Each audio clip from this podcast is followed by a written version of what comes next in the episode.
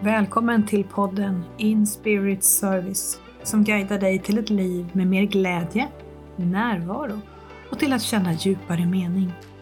Till en vardag med frihet att driva ditt eget företag på ditt sätt. Där du gör det som är menat för just dig. När du utgår från den du är innerst inne, det är då som magin skapas. Väljer du från huvudet eller från själen i ditt företagande? Kvinnan jag har äran att prata med idag, hon är den som introducerade mig för energimedicinen. Jag säger varmt välkommen till Lina Lanestrand. Mm, tusen tack! Så roligt att vara med. Så roligt att få med. Tack så mycket. Tack! Det är helt underbart att ha dig med. Och min fråga som jag började med, det är ju för att du har verkligen visat mig det här med, du har varit min inspirationskälla till att även få energimedicinen att flöda in i företagandet. Mm. Att det är mm. så viktigt att göra det från rätt håll. Mm. Jag tänker att vi skulle prata mycket mer om det senare, men först och främst vill jag gärna få höra lite mer om din vision och den du är, din inre skatt som jag kallar den. Och mm. eh, ja, lite grann om, om vad det är du gör och ditt fantastiska ljus. Jag vet ju väldigt mycket om det, men jag tänker de som lyssnar ska få höra lite mer. Ja, ja vad spännande, tack. Det är alltid svårt att svara på, men jag är ju väldigt hängiven till en själslig resa och har ju inte alltid varit det. Jag, det började, jag tar väldigt kort min bakgrund, det började med att jag jag höll, var beteendevetare, jobbade med ledarskapsutveckling och fick barn. Jag hade stora ambitioner, höll på med hundar och tävlade, var väldigt inne i prestation. Och så fick jag mm. barn och eh, det uppstod en hel del ohälsa, bland annat en allvarlig allergi mot hundar. Så i det så fick jag då sälja den hunden som jag hade. Hon hette Lycka och eh, hon var min stora lycka. Jag brukar beskriva att hon var liksom mitt livs kärlek. Vi hade en sån otrolig kontakt och hon var min Rhett Butler om man har sett Borta med vinden. Hon var liksom den här jag hade mm. väntat efter. Och i att jag fick sälja henne så kraschade jag eh, och samtidigt så behövde jag ju ta hand om eh, mitt barn och mina barn och skapa hälsa. Så jag pluggade på nätterna för att lära mig mer om jag kunde stärka hälsan. Så jag var väldigt trött, småbarnsmamma med sjuka mm. barn och svår sorg. Så när väl eh, min son mådde bra igen eh, och hade liksom hämtat hem sig. Min pappa dog i samma veva. Jag hade mögel i huset. Alltså jag var totalt kraschad. Eh, mm. Men i den vevan så var det så att min själ tog över. Vilket ju efteråt berättar för mig att jag var, höll på att gå fel väg. Jag höll på att fastna i prestationsträsket. Och eh, jag behövde brytas ner totalt eh, av livets omständigheter och då tog min själ över. Det var min själ som guidade mig till hur jag kunde hjälpa min son tillbaka till hälsa, eh, vad jag skulle läsa, vad jag skulle lära mig. Och eh, det har ju lett mig på en helt magisk livsresa där mina drömmar är förverkligade bortom sådana drömmar jag inte ens trodde jag kunde ha. Jag trodde aldrig jag skulle kunna ha häst i mitt liv. Jag trodde aldrig jag skulle kunna bo vid vattnet på en gård. Alltså det var massor med saker som jag inte trodde var möjligt. Som hängde ihop med den här prestationsmänniskan. Hon hade sina begränsningar. Men när min mm. själ har guidat mig så har jag inte bara fått nya jobb och nya möjligheter så. Det har också blivit att jag har förverkligat drömmar som jag inte ens hade vågat tro på innan. Och framförallt så är ju mm. min son frisk och min själ leder mitt liv.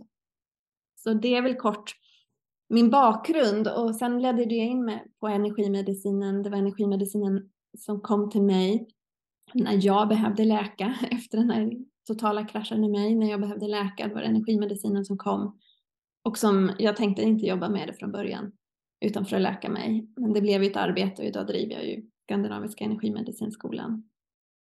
Och min vision det är att du, Agneta, och andra människor förverkligar sina drömmar och visioner oavsett om det är privat eller professionellt. För min upplevelse mm. när vi förverkligar våra drömmar, det är då helt plötsligt får vi syn på att men gud, det är paradiset på jorden här. Så vi får syn mm. på var vi egentligen befinner oss och hur livet är menat att vara. Och när vi får syn på det så ändrar det hur vi förhåller oss till oss själva och till jorden. Då. När vi förverkligar våra visionerna så blir det att vi börjar ta hand om jorden, ta hand om oss själva allting. Så länge visionen kommer från själen, ska vi säga. Så länge drömmen kommer från vårt innersta och inte från den här prestationspressen som också använder begrepp som visioner. Mm. Ja, en kort jag ser en fantastiskt bra beskrivning och jag, jag, hoppas att de som lyssnar, de känner säkert kraften i den här resan du pratar om. Och känner också som jag också frågade initialt, din inre skatt, för det här är ju verkligen din inre skatt, för det du gör, det, det är sån det är sån stor effekt på de som har äran att få möta dig och få Alltså din vision, jag är ju en liten pusselbit av den, men jag är så tacksam för det. För du verkligen har guidat mig och hjälpt mig att hitta min vision och göra det som min själ vill att jag ska göra. Så där ser jag ju verkligen din inre styrka och ditt ljus att göra det. Och, och jag älskar hur du säger att det handlar om att du lyssnar till din själ. Och jag tycker det är bra det här med sätten du pratar om och att din själ visar dig. För det är just det som är grejen. att Jag älskar att stötta människor och finnas med. Jag brukar säga att jag utvecklar och utmanar. Eh, mm. Men det är ju för att hitta sin själs väg. Och när var och en gör det, då blir det ju, jag brukar prata om ljus, själen som en diamant som är så värdefull och så full av ljus. Men oftast har vi gömt den inom oss. Men när den får lysa ut så sprider vi ljus och vi sprider ringar på vatten av ljus och det händer så mycket gott när vi är de vi menade vara utifrån de själar vi är och som bor i oss. Så det är en magisk resa och det, för mig, jag har ju gjort den själv vilket gör att jag tycker det är häftigt att finnas för andra men jag skulle också säga det är aldrig jag som gör någonting. Eh, jag finns ju bara med de själar som, som också vill ta över och visa och leda och lysa och stråla och det är ju också så häftigt att, och det vet ju du själv som terapeut att det handlar egentligen bara om att vara en liten sidekick. Mm. Precis. För det gäller ju att guida den andra människan till att hitta just sitt sätt att skina, att inte försöka få ner sin diamant i någon form som är någon annans, för det funkar ju inte. Då lyser man inte på det sättet som man är menad att göra. Att verkligen hitta det. Men för att kunna göra det så känner jag i alla fall att vi behöver ha andra som, som ser den här, den här skinande budden i oss när vi själva inte gör det, som kan visa på möjligheter och öppna dörrar och hålla oss på resan. För det är mycket mindre lätt att göra det själv precis som du berättade om din resa. Det känns mm. som att ibland är de här mörka stunderna och det vi blir utmanade till väldigt, väldigt utmanande så det kan vara svårt att veta hur ska jag ens ta mig vidare? Hur ska jag ens kunna andas? Och att det Precis. finns andra som kan hålla en i det. Precis, och hur värdefullt det är att ta hjälp. För det, det är en av de saker jag är så tacksam för att min själ guidade mig till att ta hjälp på min resa. Jag kraschade totalt. Och i det att jag lyssnade på den i både vad vi skulle äta och hur vi skulle leva och vad jag skulle få läka. Så att jag fick hjälp precis att bli sedd i mitt ljus men också hjälp att rensa det som blockerar, hjälp att frigöra min väg. Men, men det här är ju så viktigt då att det är någon som låter en hitta sitt innersta och inte, vi lever i ett samhälle där alla ska passa in i runda och fyrkantiga former. Mm. Och diamanten är inte en form som passar in, det är, en, det är snarare ett ljus som skapar mm. kanske nya former eller möjligheter eller magi eller vad vi ska kalla det. Exakt. Ja, Men, fantastiskt.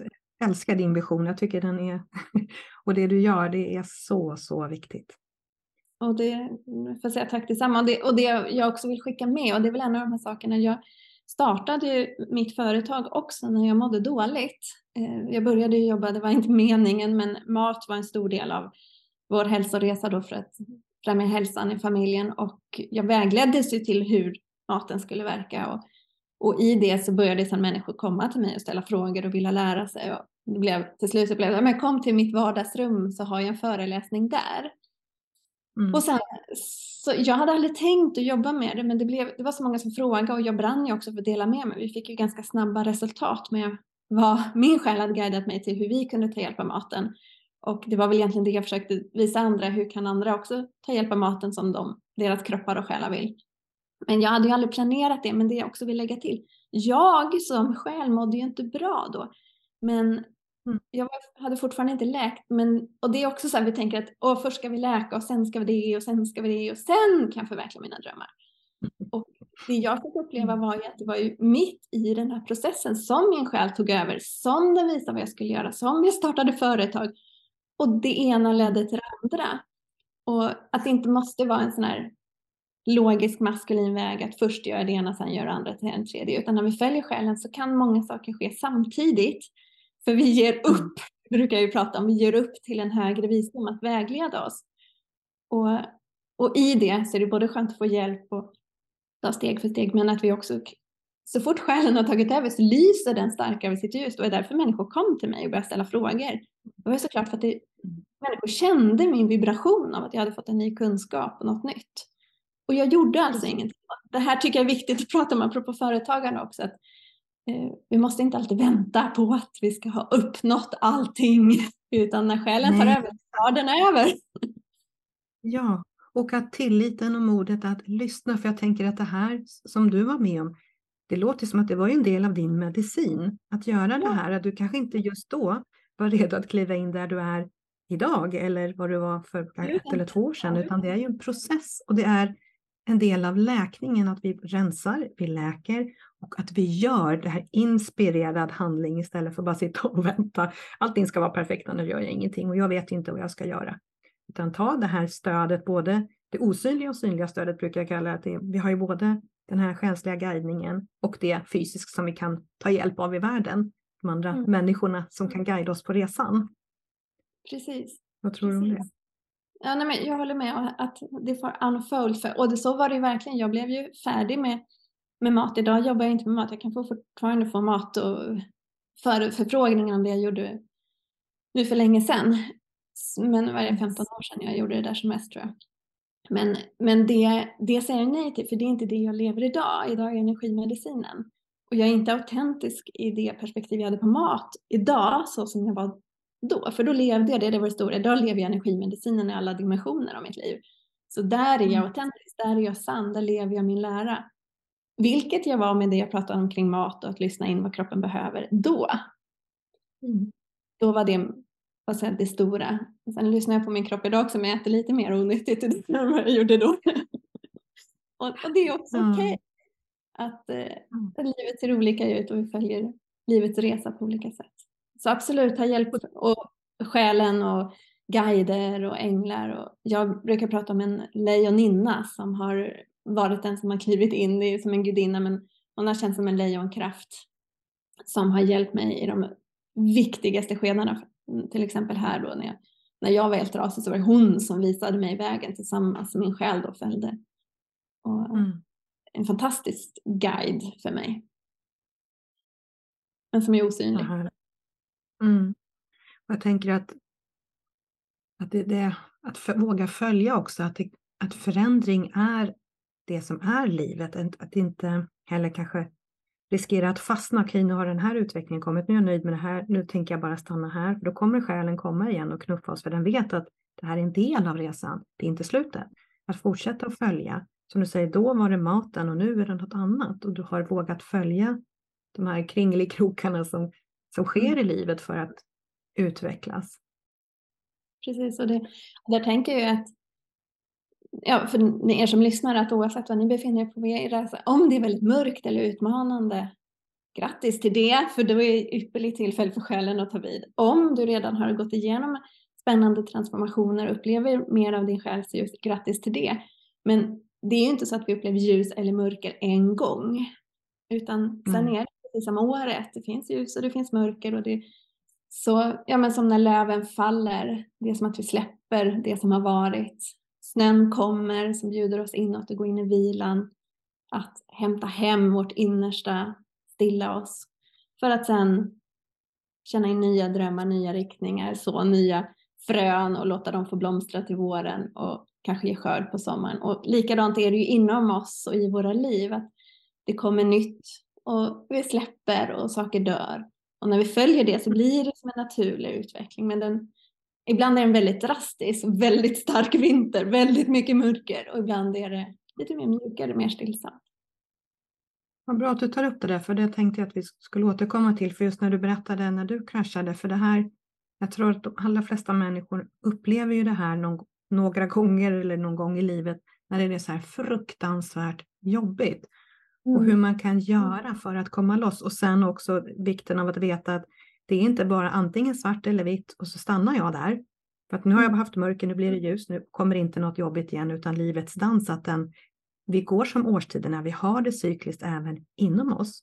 Hur skulle du vilja guida och råda de som då kanske just nu är det här jättemörka? Till exempel. Ja, precis. Det är ju till att börja med att, att erkänna det och det som hjälper mig mycket idag, som jag pratar med många om, det är vissheten att det är i mörkret som det nya föds. Och att mm. ju mer vi kan, vad ska jag säga, släppa taget om lidandet, våra tankar om hur det är i det här mörkret. Det är ofta de vi mm. fastnar i. Åh, det här är så jobbigt, det kommer aldrig ta, gå, gå över och hur blir min framtid nu? Det är tankar. Men ju mer mm. vi kan säga, smälta in i mörkret, känna sorgen, smärtan, rädslan, ju mer vi kan acceptera det som är och vara med det mm. och känna det, desto mer kan vi bejaka smärtan, vilken faktiskt går över mycket snabbare också i mörkret. Men det är lidandet mm. i våra tankar som gör att vi håller fast vid det. Och jag kommer ihåg när i min krasch så höll jag fast vid mina tankar. Mitt liv är förstört och alla mina drömmar och jag är kraschad och jag är helt trasig och bara sörjer. När ska jag sluta gråta? Det var ju mina tankar om det. Mm. Men det gjorde ju att jag led så mycket mer. Eh, det är stor skillnad på att lida och känna smärta. Precis, och då, det var ju min själ som tog över och guidade mig då så här, okej, okay, nu behöver du komma vidare. Och mm. det den gjorde mycket var ju att försöka få ihop min kropp och själ och det också ta hand om mig i den här fasen. Jag gick på massager, jag gick varma bad och alla möjliga saker. Men sen också tog jag hjälp av olika terapier för att få ihop mig igen mm. i det här lidandet. För det var det som gjorde tankarna kring det. Så mitt råd är att försöka att gå in och känna det som känns. Och det säger också forskningen att de värsta känslorna de varar ju bara i sekunder, man pratar om 90 sekunder. Så ju mm. mer vi vågar gå in i det, det vet vi den stora gråten, när vi verkligen gråter och har gråtit ut så är det ofta en lättnad direkt efter. Det är igen att låta den djupa sorgen komma ut, för vi kan också gråta av tanken om att allt är dåligt och det blir aldrig bättre. Men det är inte ens tårar som liksom ger samma lättnad, utan det är mer ett ältande. Och det kan, här kan vi behöva hjälp. Med vad. Nej, precis. Det är läkande tårar eller fast på något sätt stagnerade tårar. Ja, så att, så att leva med det cykliska tycker jag absolut är en hjälp för att följa vad ska jag säga, livets och själens naturliga föränderliga resa. Och att lära sig mm. gå med flödet. Mm, och ta emot det. Det är det också viktigt att jobba emot. Precis, för, för det är också många av oss som är fostrade att vi ska ge och ge och ge och ge. Men om vi pratar om mm. naturen och cykler och oavsett om vi pratar privat eller professionellt i arbete så handlar det också om att ta emot. Jag brukar jämföra det här med ett träd.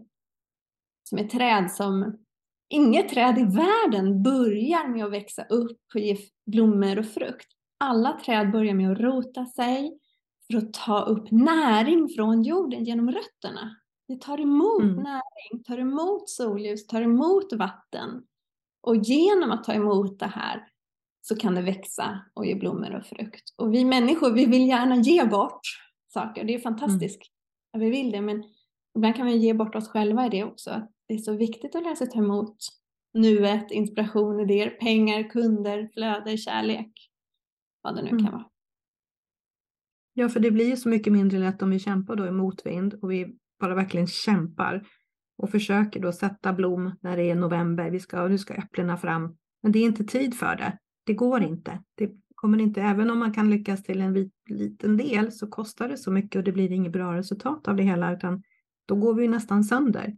Istället för att inse att vi, vi behöver börja i det här mörka där näringen finns. Börja ta emot, ta emot och sen följa flödet istället.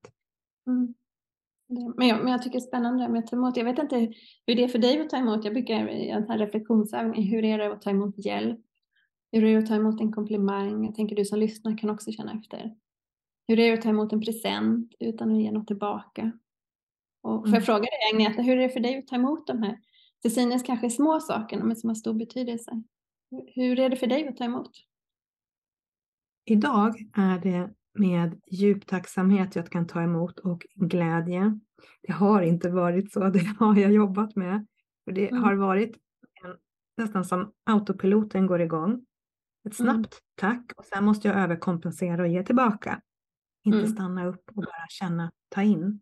Så mm. jag vet att du skrev någonting till mig för ett tag sedan och jag bara sa tack, jag tar emot det.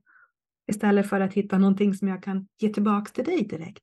Mm. Och det var så himla skönt att känna att ja, men där har jag börjat kunna vara nu. Det är ju fortsatt resa det också. Men det mm. är så himla viktigt, jag vet ju det, att kunna mm. ta emot fullt ut. Och sen också då, där är ju en, för mig en ypperlig möjlighet att se vad jag behöver läka, för vad är det som händer i mig när jag, ska, när jag tar emot? Kom det en känsla av att inte vara värdig? Kom det något, vad är det som händer? Titta på det, var med det. Precis, våga stanna där. Och, och, det kan ju visa sig i alla möjliga situationer. Jag kommer ihåg när vi flyttade till en hästgård för ett och ett halvt år sedan. Och i början så det var så stort för mig att få vara med hästarna här hemma. Så då fick jag säga, nej jag får inte vara så här, nej det får inte vara, får jag vara med dem? Mm. och det var verkligen känslan, nej jag, jag det var verkligen en känsla av att jag inte är värd det här. Och det var så djupt betydelsefullt för mig. Men det var också så djupt så att det väckte det här, precis som du säger, känslor. Av, och för mig var det, och jag kommer ihåg att jag tog upp det i en session senare, det kändes som att får jag lov att uppleva det här? Får jag vara med? Får jag lov? Och det stannade jag upp och processade då. Så att jag mm. kunde. Men jag, jag, vet att det är mycket som jag själv har fått bli varse och fortfarande håller på med det här förmågan att ta emot. Och utan, precis som du säger, att överkompensera, ge tillbaka, utan bara, bara ta emot och låta det smälta in. Men vilken skillnad det blir när jag tar emot fullt ja. Oh, ja. oh, det lilla, jag brukar ofta prata om så här, det glittret i gräset här.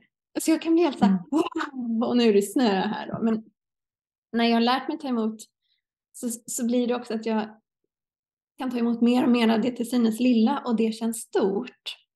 Exakt. Det är som att det öppnar det upp. Ja. Det är som att vi har, ja, man sträcker ut sina händer, det är så här mycket, två händer fulla, så mycket kan jag ta emot. Och så är det som mm. att universum står där, men jag har ju en hel eh, last med, det är mycket större än vad du får plats med i dina händer. Ja, ja, men det är det här jag fixar. Och sen öva sig och öppna upp mer och mer och mer för att kunna ta emot. Så det är ju det är en resa det också. Mm. Och det är så lätt att det blir prestationsbaserat. Man pratar ju ofta om mm. närvaro och kunna se, se det lilla och förundran i det.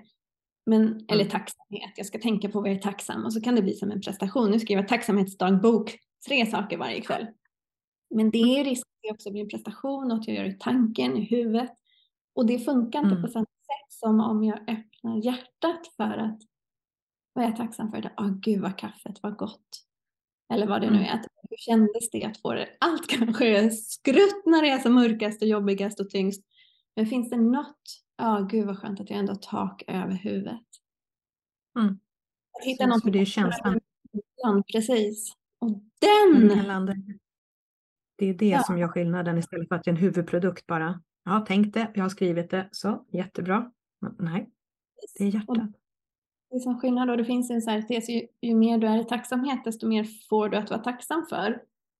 Mm. Men om man då är tacksam för att få mer att vara tacksam för, då är det en girig handling. Ja. Som egentligen är bristperspektiv. Ja, och där, det är så Visst är det intressant? Och det hela tiden kommer till vad är intentionen, vad är avsikten bakom det jag gör? Om jag går in i mm. djup verksamhet och tar emot i kärlek som avsikt, då mm. förändras hela relationen till det. Men, men det här behöver vi träna sig för vi är så strängt fostrade i vårt samhälle till att ge tillbaka, att inte ta mer än du får och, och så vidare. Exakt. Och jag älskar att du har gjort ett verb av ordet tacksam. Det, det har jag ärligt stött. Jag tycker det är så Att det är något man gör verkligen och att det känns i hjärtat, i själen.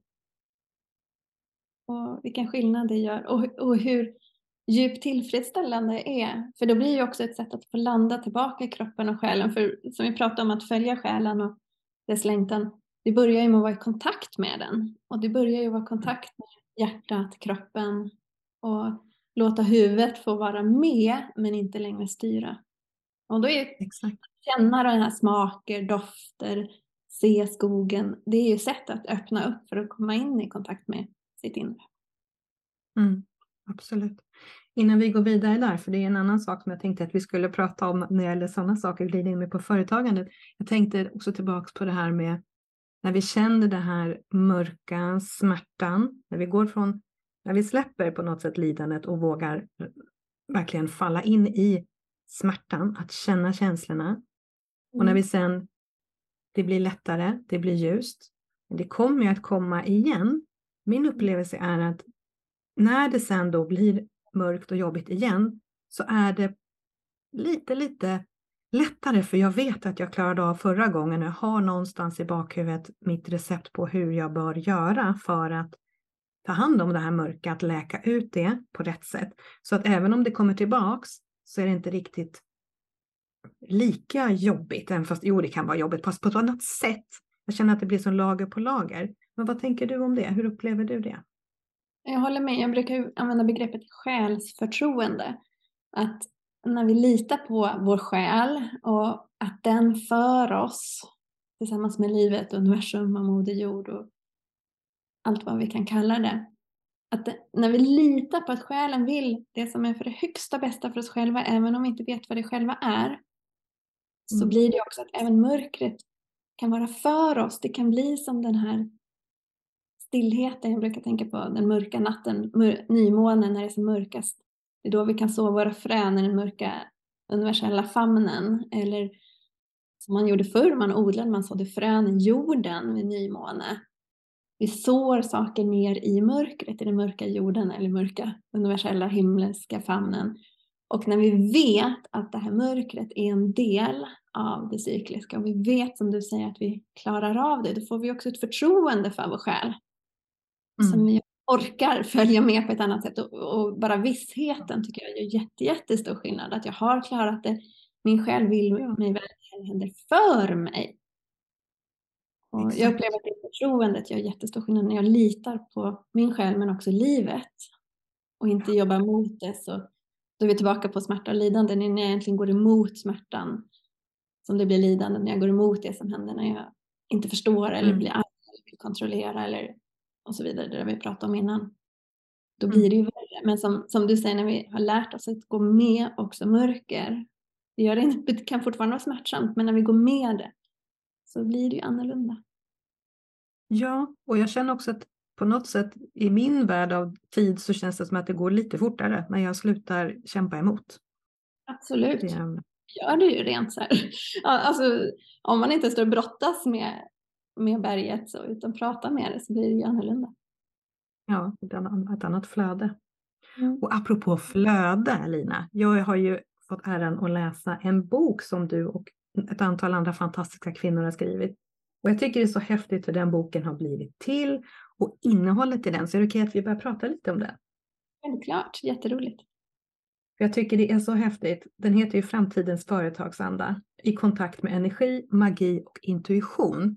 De där nycklarna är ju helt fantastiska att ha i ett företagande. Så mm. har du lust att berätta hur boken, hur den föddes? Hur blev det så här? Ja, precis. Hur blev det? Jag har ju själv, i och med att min bakgrund var att jag hade jobbat mycket med ledarskap och ledarutveckling innan jag föddes på den här resan, så har jag ju alltid haft mycket kontakt med företagare, organisationer, ledare och haft mycket sådana kunder. Jag tänker att det bidrar till att det här kom. Så att jag har ju för mig har det ju varit naturligt att egentligen från start föra in energimedicinen i också samtal om företagande organisationer och i de tidiga ledarskapsuppdragen jag gjorde så förde jag in den här visdomen. Det blev ju helt naturligt mm. så att min själ tog över. Så för mig, jag var van att jobba så och så var det som att min själ en dag sa så här, det är dags att skriva en bok om det här, om andlighet i arbetslivet och om intuition i, i arbete och business. Och det tyckte jag kändes, åh wow, det kändes som ett uppdrag från min själ. Jag sa ja, vilken bra idé. Och så, spännande, tack, mm. tack, tack, bra chef. När man får roliga. Och, så, och sen så började det liksom komma namn i mitt huvud på olika människor som jag skulle fråga om att vara med. Och jag kommer ihåg den första jag frågade var så här, Ja, jag tror att vi ska skriva en bok och min själ har frågat om du ska vara med. Men jag vet inte riktigt vad den ska handla om. Men jag fick, jag fick namn och så fick jag typ något ord eller mening för de namnen. Jag fick mm. det här ordet till dig. Vill du vara med? Alltså det var ju så, så spännande de här samtalen. Jag, jag fick liksom inte alla på en gång utan ett taget. Och nu mm. sa ju de ja, fast jag hade väldigt, väldigt lite vad ska jag säga, information. Och då mm. när det liksom var klart, det var sju stycken som vi totalt då, när det var klart så, var det, så hade vi ett möte och då upprepade jag igen de här orden och meningarna jag hade fått om vad det var kanske de skulle skriva om. Poängen var ju att alla hade en andlig medvetenhet som de också lät påverka sina arbeten. Och det var olika branscher. Det är helt mm. olika branscher. Så jag kan förstå, nu efteråt så tycker jag att det är briljant att det var så det blev. För att det är en sak om jag skriver en bok som lever där helt och hållet. Men när det är olika branscher och olika typer av yrken, det blir ju liksom, vad ska jag säga, en annan slagkraft i att visa att det inte bara är totalnördar som jag som tillämpar det här. Utan att det blir en sån dynamik i boken. Ja, och det, så det känns jättespännande. Så, så vi började skriva och jag kommer så väl ihåg sen under skrivande processen så var det en som känner mig ganska väl som sa, men alltså Lina, du har ingen aning om vad vi skriver om. Men det har jag väl sagt. Nej, du har inte frågat någon gång. Du har liksom ingen kontroll. och det är ändå ditt namn du sätter på det här, sa hon och, och var liksom lite så här förvånad. Vi hade lite ja. möten, men då pratade vi oftast om hur det var att skriva. Eller vad det var för deadline och så. Och sen när jag fick alla manus och läste dem så var det så häftigt. För det var ju som att det var en, jag säger en gyllene tråd. För det hängde ihop. Och jag vet inte hur du upplever när du har läst den, men jag kände verkligen så att det är som om vi haft konferens och pratat om, skriver du om det där och du om det? Använder du samma ja. ord nu? Ja, det är det klart, för det känns som att ni kompletterar varandra så himla bra så det blir helheten blir ju så mycket större än var och ens eget kapitel så blir det ju så himla mycket större. Precis, och det tyckte jag var så häftigt så det känns som att det är verkligen själen som har guidat det hela vägen. Och sen var, måste jag nästan berätta det roliga, det är ju också en poet som är med och skriver inledning och avslutning, men så är egentligen åtta, fast på, det står i bokens baksida att vi är sju, för att när deadline var passerad så får jag sent på kvällen så här, min själ säger nu ska du fråga en av dina bästa vänner som är poet om hon kan skriva inledning och avslutning. Och jag blir såhär, men gud, deadline är passerad, det kan jag inte göra. Jo. Och så frågar jag henne, du, jag har en liten fråga till dig. Hon visste heller inte vad boken handlar om mer än, vi hade väl titeln då. Och hon säger, ja, vi får väl se om det kommer något. Och så några timmar senare så, så skickar hon då en dikt som är inledning och en dikt som är avslutning. Som jag tyckte var, wow, de är klockrena. Men så blev jag nervös igen. För det så här, men gud, jag har inte frågat de andra om det här. Eh, och mm. Intressant att jag ändå har mänskliga reaktioner på den själsliga vägledningen. Så då vet mm. jag skicka ut dikterna till de andra medförfattarna och skrev min själ guidade att det här skulle vara med fast vi egentligen var färdiga. Och då svarar mm. alla, men gud det här är ju klockrent, precis vad boken mm. handlar. Så den har verkligen skapats på det sättet, helt utanför kontroll och att, ja men som jag berättar, också haft så här, oj men gud, har jag gjort det här? Eller så. Mm. Och det känns spännande. Den lever sin egen lära. Och det, alltså den här berättelsen och den här boken, jag tycker det är så bra exempel på just det här när du följer själen utan att ha alla pusselbitar, du vet det inte för du ser inte stora bilden och du har tillit och mod att följa, även om vi är människor, vi är själar i mänsklig erfarenhet, vi har ett ego, vi har reaktioner, vi sitter med det, vi tar hand om det och fortsätter följa. Och vilken magi som då skapas. Och det här är ett fysiskt bevis på det. Sen kan det ju finnas andra former också, men jag tänker även då i, i det, när vi driver företag och vårt liv och våra beslut och i allt. Vad mm. viktigt det är att verkligen följa den här rösten med tillit, trots att vår huvud tycker att det här är jättekonstigt. Mm. Och, det, och jag älskar hur du säger med pusselbitar. För det är ofta det vi, våra mind vill gärna se hela bilden från början. Så ja. jag älskar att vi får en pusselbit i taget. Om vi följer den, till slut skapas en bild. Mm. Och det hittills känns alltid bättre än vad jag skulle kunna tänka ut eftersom jag följer något som är större än mig. Och det är ju tillbaka till att mm. själen är kopplad till universums visdom. Så när vi följer själen så är vi i kontakt med allt, alltet. Så är det. Jag inser att för mig är det bara att böja mig för att jag har en hjärna och den är ju väldigt bra. Den är väldigt duktig och fantastisk på sitt sätt. Men den är ju ändå begränsad. Jag ska ju inte tro att jag vet och kan mer än den stora högre intelligensen, universum som verkligen ser hela bilden och ser möjligheterna och hålla mig fast då vid, ja men det här ska jag tänka ut själv, jag kan själv, det här ska jag klara, mitt huvud ska minsann räkna ut det här. Jag känner ju på hela min kropp att jag säger så, det, det är som kamp, det är så jobbigt och det är så begränsat mot vad jag kan skapa och få vara med om. Om jag släpper på den här prestigen att det ska jag göra själv. Det här ska jag tänka ut själv. Och att mm. våga följa hur knasigt den kan verka i stunden. Precis, för det verk, och det där gillar jag att du sa, för det är ofta knasigt. Nu tyckte jag den här boken ja. var men det kändes knasigt att höra av mig till människor och fråga, vill du vara med och skriva en bok? Jag vet inte riktigt vad den handlar om, andlighet och arbetsliv. Jag har fått det här ordet, vill du vara med? Alltså det, jag kände mig knasig för det var så diffust, det var inte proffsig förfrågan. Det var, och, och, så är det med mycket. När min själ tyckte vi skulle köpa häst så var det också, det kändes så knasigt. Hur ska jag tid, hur ska vi ha råd, bla bla. Mm. Men att så jag gillar att du säger det ordet, att en pusselbit kan ofta vara, kännas knasig och det är kanske är första testet. Tack för att du får in mm. det. Är det knasigt så, och vi är beredda att följa fast, det känns som att det inte är logiskt just. Mm. Precis, och, och det gäller att provtrycka det lite då in i själen, i hjärtat. Sitta med det och lugna sig, stilla det här bruset. För hur känns det där inne? Mm. Det är så ja, är det subtilt i den här riktningen. Ja bra tipsa tänker jag om när du sa det. Hur, hur, mm. gör du för att kolla om en pusselbit är från din själ eller från din hjärna? Ja, det är nog så att jag ser till att jag, att jag stannar. För det, ofta så kan jag känna att mitt nervsystem det har liksom något så elektriskt felkoppling. Det kan liksom splitta fara och man kan känna, eller jag kan känna ibland nästan som en ångest som lurar och det, det jag är ofokuserad och jag far åt alla håll och huvudet är igång. Och att mm. stilla mig, sitta, mm sitta med det. Det är ändå också fina uttryck som jag har använder som kommer från dig. Sitt med det. Och låta känslorna få kännas. Att jag bereder vägen också verkligen. Att släpp, hitta tillbaks till mig, till hjärtat. Det kan ta sin tid att bli centrerad och lugn i mig. Ibland går det fortare. Och ibland kan jag behöva verkligen följa andningen och hitta något verktyg för att lugna mitt huvud som är, det känns som att det är, det är så hyper, det är så aktivt. För att det, det är så mycket motstånd där. För att landa ner sen i själ och hjärta och känna in i hjärtat. Sitta med det. Vad blir svaret där? Och ha en väldigt skarp hörsel. Att på något sätt höja min hörsel. För att det är en röst som den skriker inte, den överröstar inte. Den är så trygg och lugn och stilla. Så det är upp till mig att tona in på den. Så mm. det, ibland går det lättare, ibland tar det kanske lite längre tid att hitta det. Men det är framförallt en medvetenhet att jag vill ta reda på det och inte bara gå med första impuls eller springa på det huvudet säger utan okej. Okay. Paus, stanna, andas. Ibland kan det räcka med typ tre lugna andetag mitt i någonting, mitt i ruset i vardagen för att hitta, men vad, vad är rätt för mig? Och så kan jag öva.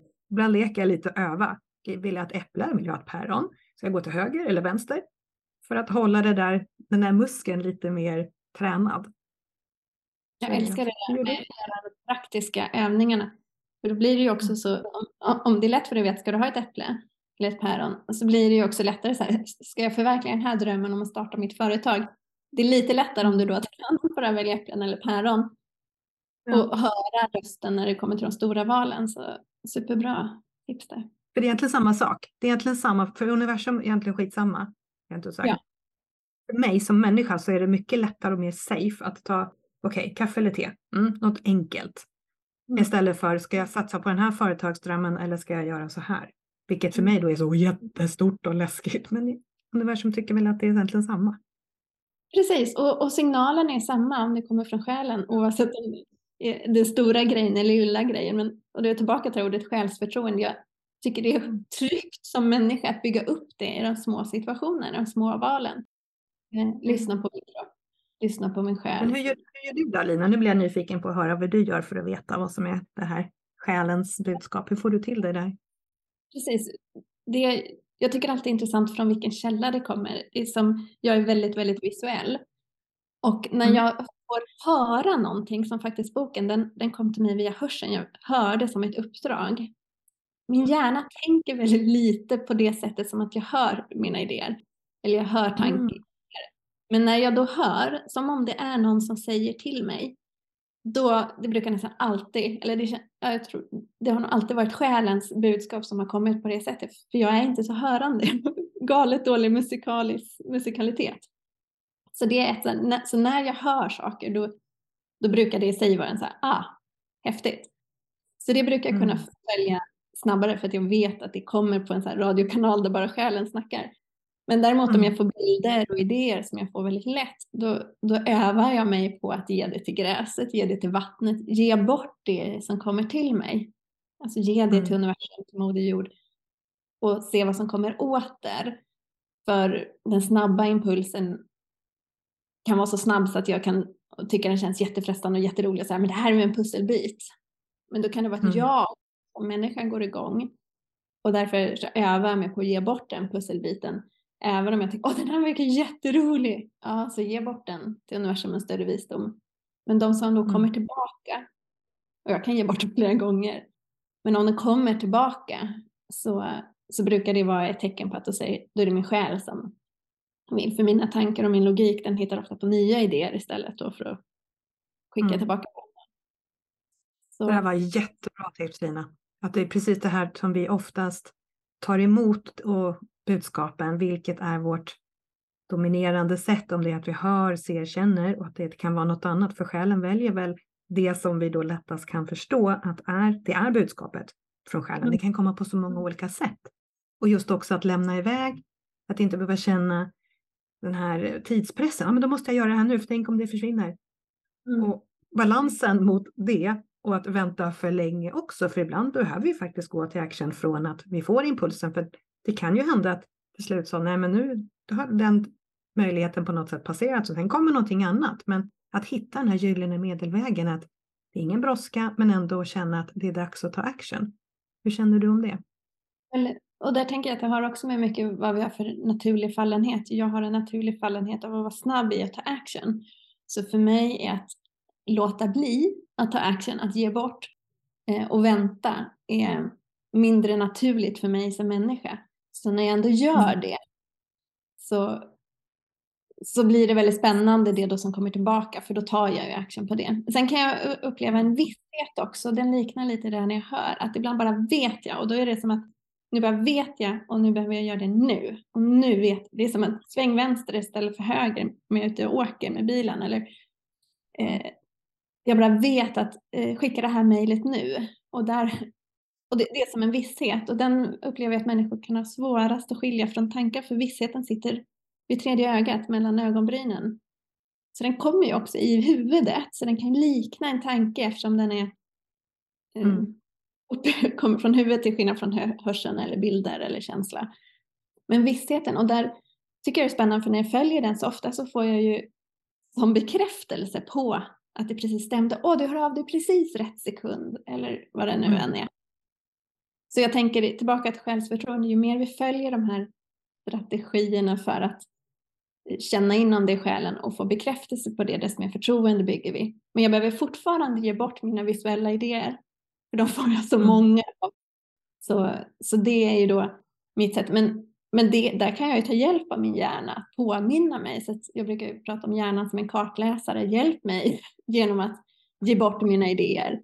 Hjälp mig genom att göra så här. Hjälp mig genom att sköta administrationen eller faktureringen. Ja, att min mm. hjärna får läsa kartan och hjälpa mig men den får inte styra mig. Det där är så viktigt. Det är så himla viktigt. Att vi tar på något sätt direktiven eller guidningen från själen och sen att vi sätter vårt huvud i jobb.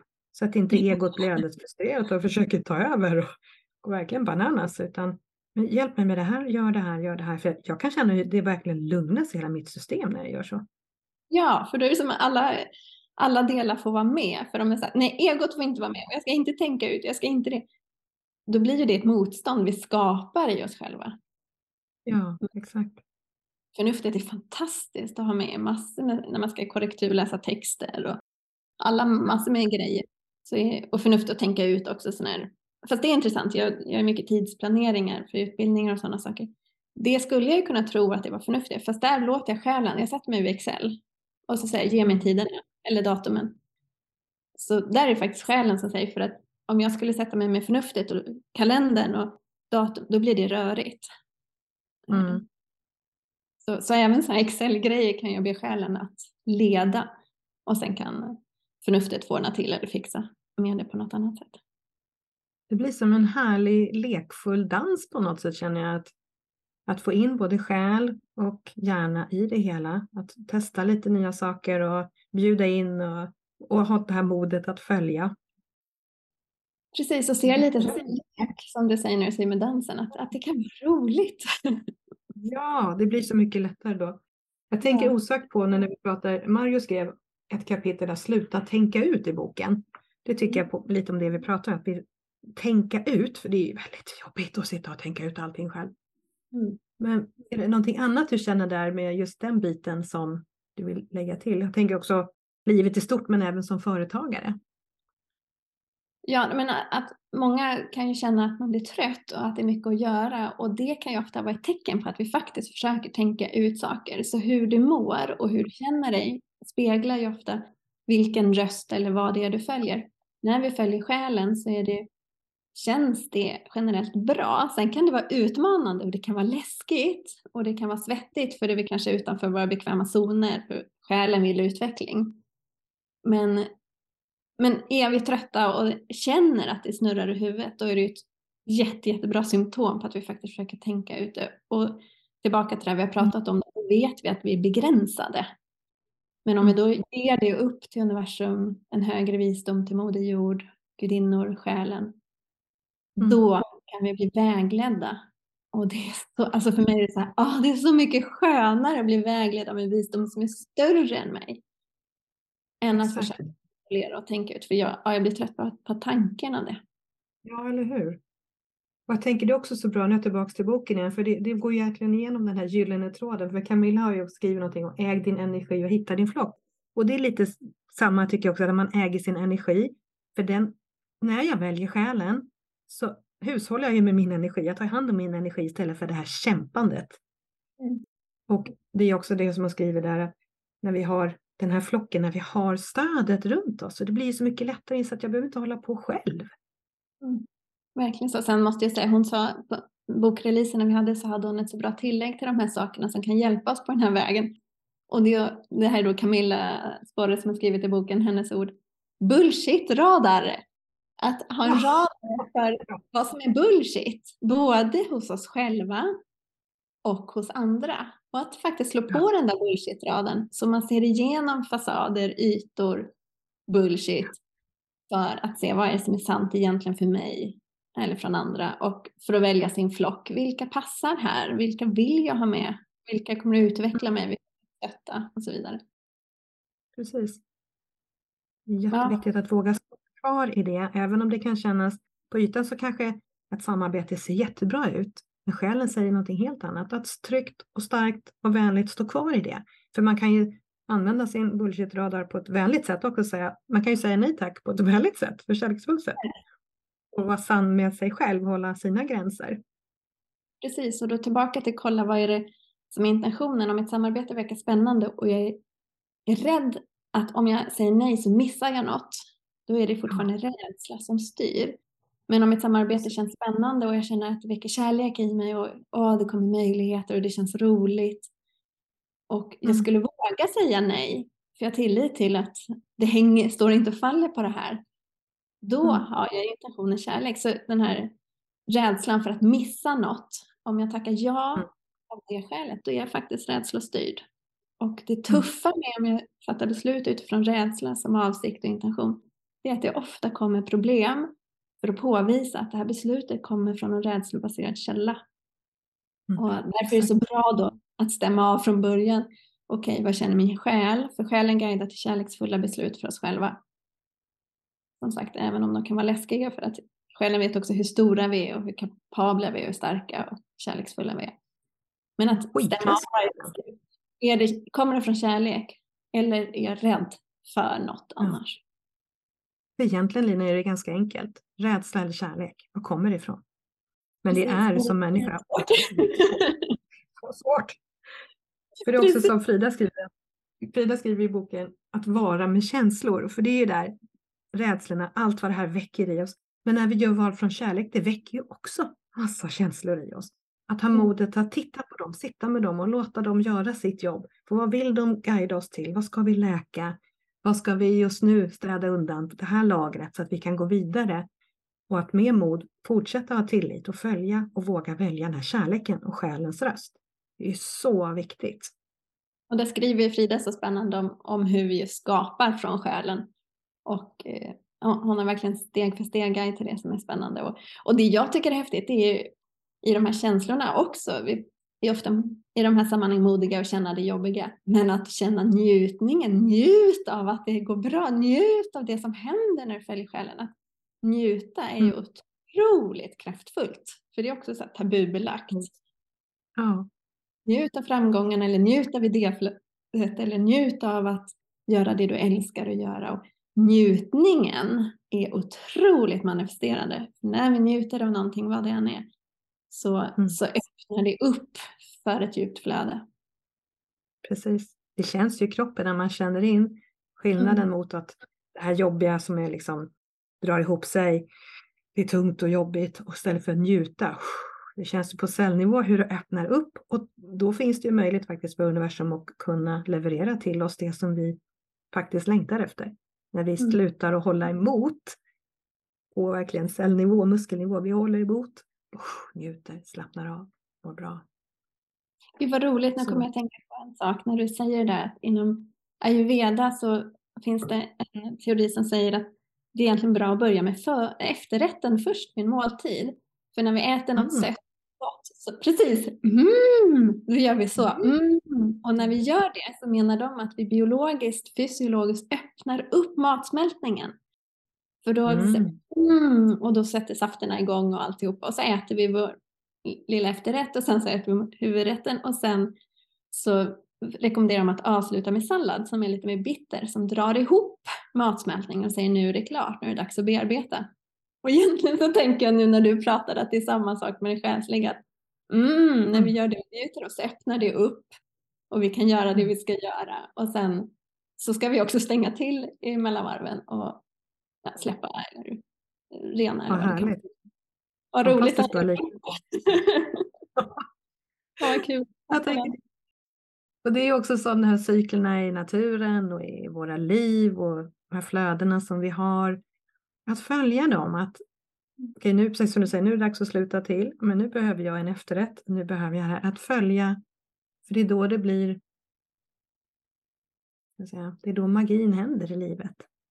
Precis, det är då vi precis. verkligen gör det vi menade att göra här. Just och de sakerna tror jag verkligen är att njuta av livet, att uppleva, alltså fatta att vi finns till.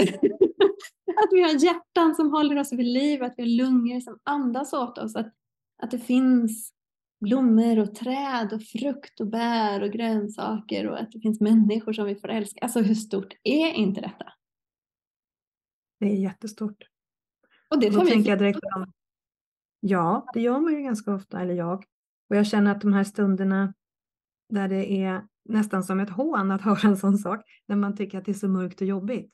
Att ha redskapen för att transformera sig själv ur den situationen, att våga möta det här mörka, mörka och veta att det kommer komma ut igen på andra sidan. Jag vet att jag har klarat det förr, jag kommer klara det igen.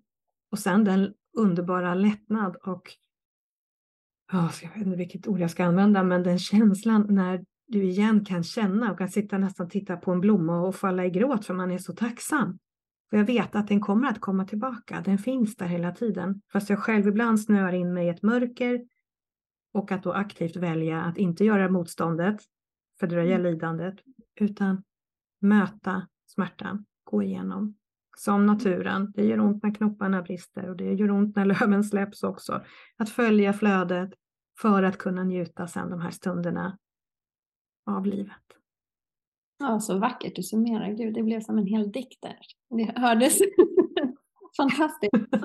Och, och jag tänker, jag kommer tillbaka när du säger det här också. Jag hade en sån illusion om att jag skulle fixa mig. För att det var något fel mm. på mig. Och att det var fel, mm. jag hade gjort fel om det gick dåligt. Eller, ja, det, det var alltid orsakat, skuld eller skam som jag kopplade till när någonting inte gick bra. Men, men hela den illusionen om att när vi vet, och det är det själen vill hjälpa oss med, att vi är fantastiska, vi är magiska, vi är ljusa, vi är kärleksfulla som de vi är. Vi är hela. Det är ingenting vi behöver ordna, utan det är snarare att bara komma ihåg vilka vi egentligen är. Och det är också en sån sak vi behöver påminnas om, att jag är hel, du är hel, Agneta, alla som lyssnar, vi är hela. Sen har livet hänt oss och samhället har försökt få oss att trycka in oss i de här fyrkantiga, runda och trekantiga formerna som har kunnat gjort att vi har fått skav och blivit stötta i kanterna på olika sätt av den storhet som vi egentligen är, hela vi. Vad vackert. Nu känner jag blev alldeles berörd. Så fina ord. Spännande att få prata med dig. Det där var en fantastisk avslutning på ett helt magiskt samtal. Alltså det är från hjärtat. Tack. Tack mm. snälla Lina. Tack för att du gör det. Jag älskar att lyssna på din podd och det är som karameller att höra dig formulera och prata. Så tack, tack, tack för att du sprider ditt ljus och tack för att mm. du gör det här och lärt dig all teknik och en fena på det här. Och jag tänker bara det för dig som lyssnar. Det kan finnas motstånd ibland, teknik eller annat att göra det vi vill. Men som Agneta, du har tagit över sådana saker och vilken gåva det blir för alla andra som får ta del av det du gör. Då. Så tusen tack för att du gör detta. Och jag säger tack och tacksammar och tar in det i själ och hjärta. Och säger tusen tack till dig som har lyssnat. Om du lyssnar på det här avsnittet i samband med att det publiceras så har du möjlighet att vinna boken som Lina och hennes medskribenter har skrivit. Att delta i tävlingen är enkelt och du har januari månad ut på dig. Allt du behöver göra för att kunna vinna boken är att registrera dig till min nya privata podd Feminint Företagande. Och sen på valfritt sätt i en story eller inlägg på Instagram tipsa om den här nya podden. Skriva anmälningslänken introvert.se feminint företagande och tagga mig, väldigt viktigt, på introvert.se så att jag ser ditt tävlingsbidrag. Den här mindre privata podden den vänder sig till dig som vill driva ett företag på ett mer feminint sätt, där själen får guida och du utgår från den du är innerst inne. Här finns mer djupgående föreläsningar och eh, meditationer, men med samma grundtema som i den här moderpodden, In Spirit Service. I den här VIP-podden så finns bland annat en föreläsning om just feminint företagande, där jag tar dig med på resan genom de tre stegen som jag ser som nycklar till ett flödande feminint företagande. Hur du skippar kämpande, rädslor och ensamhet. Så lyssnar du på detta innan 1 februari 2023, var med i utlottningen av ett exemplar av boken Framtidens företagsanda i kontakt med energi, magi och intuition. Du tävlar genom att börja lyssna på den privata podden Feminint Företagande som du hittar via introvert.se feminint företagande samt på valfritt sätt berätta för andra om den här nya podden, att den finns och skriver på anmälningslänken introvert.se feminint företagande på något sätt så att de som ser dina inlägg kan hitta den. Ja, antingen då ett inlägg eller en story på Instagram och så taggar du mig, mycket viktigt, att introvert.se. Det är plättlätt. Så gå in på introvert.se feminint företagande och registrera dig. Så kan du ta del av än mer och djupare insikter, kunskap och tips för hur du kan driva ditt företag på ett feminint och flödande sätt. För det är tid att du fullt ut står i ditt ljus och gör din grej. Världen behöver dig och det är just du har att bidra med.